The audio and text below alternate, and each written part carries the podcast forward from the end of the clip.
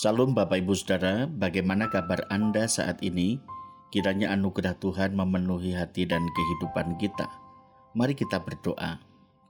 Tuhan kami mengucap syukur kepadamu atas segala berkat yang engkau berikan sehingga kami hidup dalam kecukupan. Dalam nama Tuhan Yesus kami bersyukur. Amin. Kita akan membaca dan merenungkan firman Tuhan dari kitab Yesaya pasal 40 ayat 6 sampai 7. Demikian bunyinya. Ada suara yang berkata, "Berserulah," jawabku, "apa yang harus kuserukan?" Seluruh umat manusia adalah seperti rumput dan semua semaraknya seperti bunga di padang. Rumput menjadi kering, bunga menjadi layu apabila Tuhan menghembuskannya dengan nafasnya. Sesungguhnya lah bangsa itu seperti rumput rumput menjadi kering, bunga menjadi layu, tetapi firman Allah kita tetap untuk selama-lamanya. Semarak hidup yang semu. Saudara, kehidupan seperti apakah yang sedang Anda impikan? Tentu setiap orang punya harapan atas kehidupannya.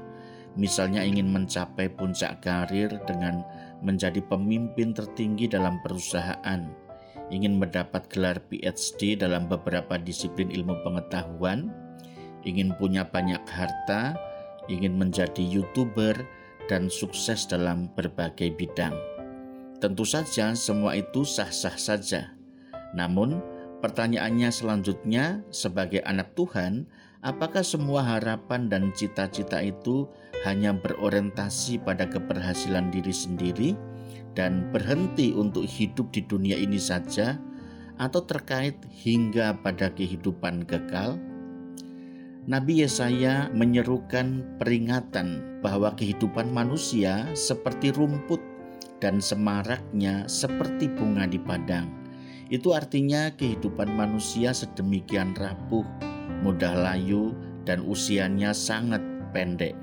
Bahkan semua hal yang merupakan pencapaian berharga dalam hidup manusia, baik harta, kedudukan, popularitas, dan lain sebagainya, adalah seperti bunga di padang. Semarak dan keindahannya hanya terlihat sekejap mata saja. Pagi mekar, siang layu, sore jatuh berguguran, dan tidak ada lagi yang memujanya. Jika demikian, mengapa manusia menghabiskan seluruh hidupnya hanya untuk membangun sesuatu yang rapuh dan akan segera lenyap? Ini adalah kebodohan yang paling fatal dalam kehidupan manusia di luar kehendak Allah. Ia membangun dirinya yang fana dan mendandaninya dengan permadani palsu yang akan segera punah. Inilah kesia-siaan manusia hanya memuliakan dirinya sendiri dan melepaskan diri dari kemuliaan Allah. Lalu, bagaimana kita memandang kehidupan kita di dunia ini? Tentu, dengan kacamata firman Tuhan, kita melihat semarak hidup manusia bukan hanya untuk dirinya sendiri, melainkan terkait erat dengan Allah yang menciptakan dunia ini, sehingga pengharapan kita berpusat kepada Allah kekayaan harta benda yang berlimpah, kedudukan dan kekuasaan, serta popularitas, bahkan segala keinginan hati dan cita-cita hidup yang paling luhur dan mulia, itu timbul oleh karena kita mengenal dan mengasihi Allah. Dan hal itu mencari sarana yang efektif bagi kita untuk memuliakan dan menyembah Dia, Allah yang melimpahi kita dengan anugerah. Oleh sebab itu, mari kita perhatikan kehidupan kita. Doa saya bagi kita sekalian. Tuhan Yesus kuasailah hati kami ketika kami engkau berkati dengan harta yang banyak, kedudukan yang tinggi, serta nama yang populer, supaya kami tidak jatuh dalam dosa kesombongan.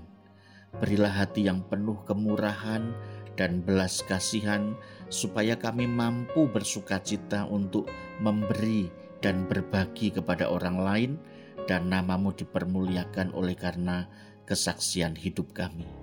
Dalam nama Tuhan Yesus kami memohon. Amin.